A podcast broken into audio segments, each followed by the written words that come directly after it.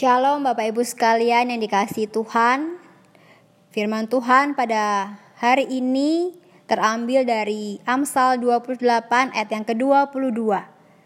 Demikian firman Tuhan, orang yang kikir tergesa-gesa mengejar harta dan tidak mengetahui bahwa ia akan mengalami kekurangan.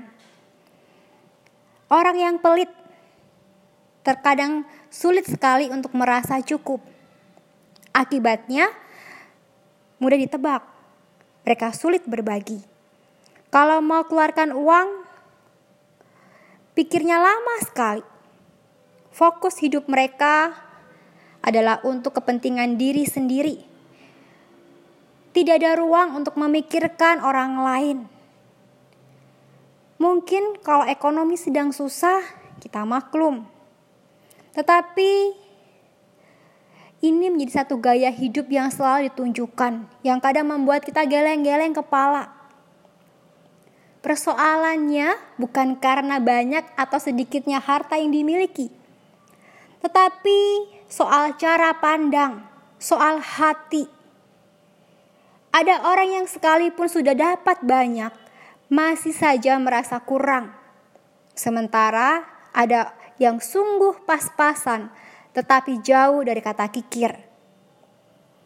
Ingatlah, Tuhan Yesus membeberkan secara jelas bahwa sukacita hidup, kedamaian hidup, tidak terjadi dari seberapa banyak yang bisa kita genggam, melainkan dari seberapa yang bisa kita lepaskan. Suatu cara pandang yang sangat sulit untuk kita lakukan dan kita mengerti dalam situasi ancaman COVID-19 yang di banyak negara, bahkan di Indonesia ataupun kita saat ini sedang mengalaminya. Banyak orang di sekitar kita yang semakin terpuruk perekonomiannya. Mereka yang mengandalkan pendapatan harian sungguh tidak mudah. Jika kita pikirkan dan kita sungguh-sungguh memikirkannya. Sesusah-susahnya hidup kita, janganlah jadi kikir. Tengoklah sekitar dan dapati banyak orang yang jauh lebih susah hidupnya ketimbang kita. Inilah kesempatan untuk menguji kemurahan hati kita. Yakinlah, orang yang tak kikir tidak akan dibiarkan kekurangan oleh Bapa Surgawi yang senantiasa memelihara dan murah hati kepada kita.